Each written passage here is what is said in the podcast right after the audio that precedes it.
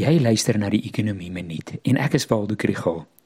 Hierdie week is gelaai met belangrike ekonomiese aanwysers en die Buro vir Ekonomiese Onderzoek se weeklikse nuusbrief gee 'n goeie opsomming van wat om dop te hou. Dit sluit die VPI en PPI inflasiekoerse vir Oktober maand in. Die inflasiesyfers is belangrik vir die monetêre beleidskomitee se repo koersbesluit donderdag.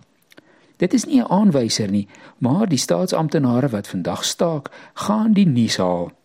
Laaste is die resultate van die 4de kwartaal opname van RMB en die Buro se sakevertroue indeks. Die verwagting is dat inflasie in Oktober so bietjie laer ingekom het as September se 7,4%.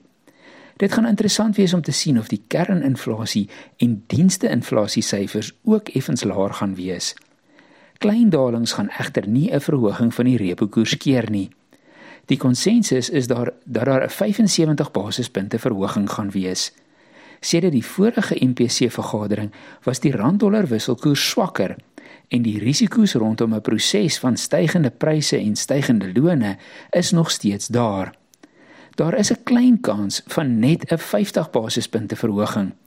Internasionaal is die verhogings van rentekoerse nie meer so aggressief nie. Die Reserwebank van Australië en die Kanadese sentrale bank het einde Oktober hulle uitleenkoerse met minder as wat verwag is verhoog. Die markte raak ook toenemend optimisties dat rentekoersstygings kleiner word en oor die laaste 2 weke het die dollar effens verswak en beurse beter gevaar. Vereers moet die deursnee verbruiker kyk hoe lyk jou paemente met nog 'n 75 basispunte verhoging. Maar daar's al hoe meer lig aan die einde van die tonnel.